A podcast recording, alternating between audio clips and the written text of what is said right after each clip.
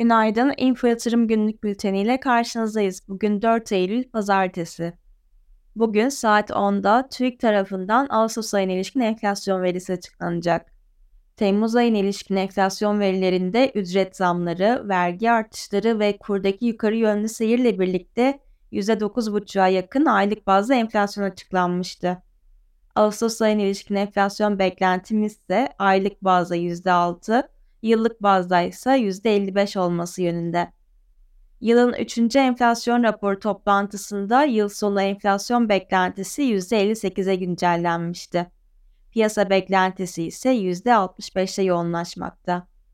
Fiyatlar genel düzeyindeki artışların şirket karlılıklarını olumlu etkileyebileceği algısı ve risksiz getirilerin enflasyon karşısında yetersiz kalmasının piyasa fiyatlamaları arasında yer aldığını düşünüyoruz.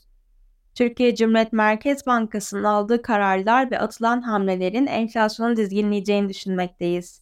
TCMB tarafından bankaların menkul kıymet tesisi uygulamasında yapılan değişikliklerle vadesi gelen KKM hesaplarını standart TL mevduata dönüştürme hedefi getirilmişti. Bu düzenlemeyle enflasyon altına kalan faiz ve düşen banka mevduat faizleri sebebiyle popülerliği artan KKM hacminin aşağı çekilmesini hedeflendiğini düşünüyoruz. Atılan bu hamle sonrası merakla beklenen faiz kararında da beklenti üstü geldi. 750 bas puan artışla %25'e çekilen ve yıl sonu politika faiz beklentilerinin de yukarı yönlü revizesi enflasyon tarafının 2023 yılından sonra dezenflasyon sürecinin başlanacağına dair beklentileri yoğunlaştırdı.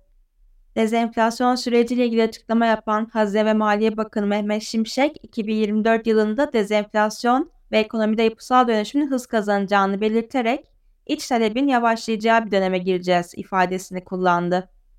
BIST endeksinde kısa vadede 8015 seviyesini pivot seviye olarak 8100, 8145 ve 8230 seviyelerini direnç seviye olarak 7970, 7885 ve 7840 seviyelerini ise destek olarak izleyeceğiz.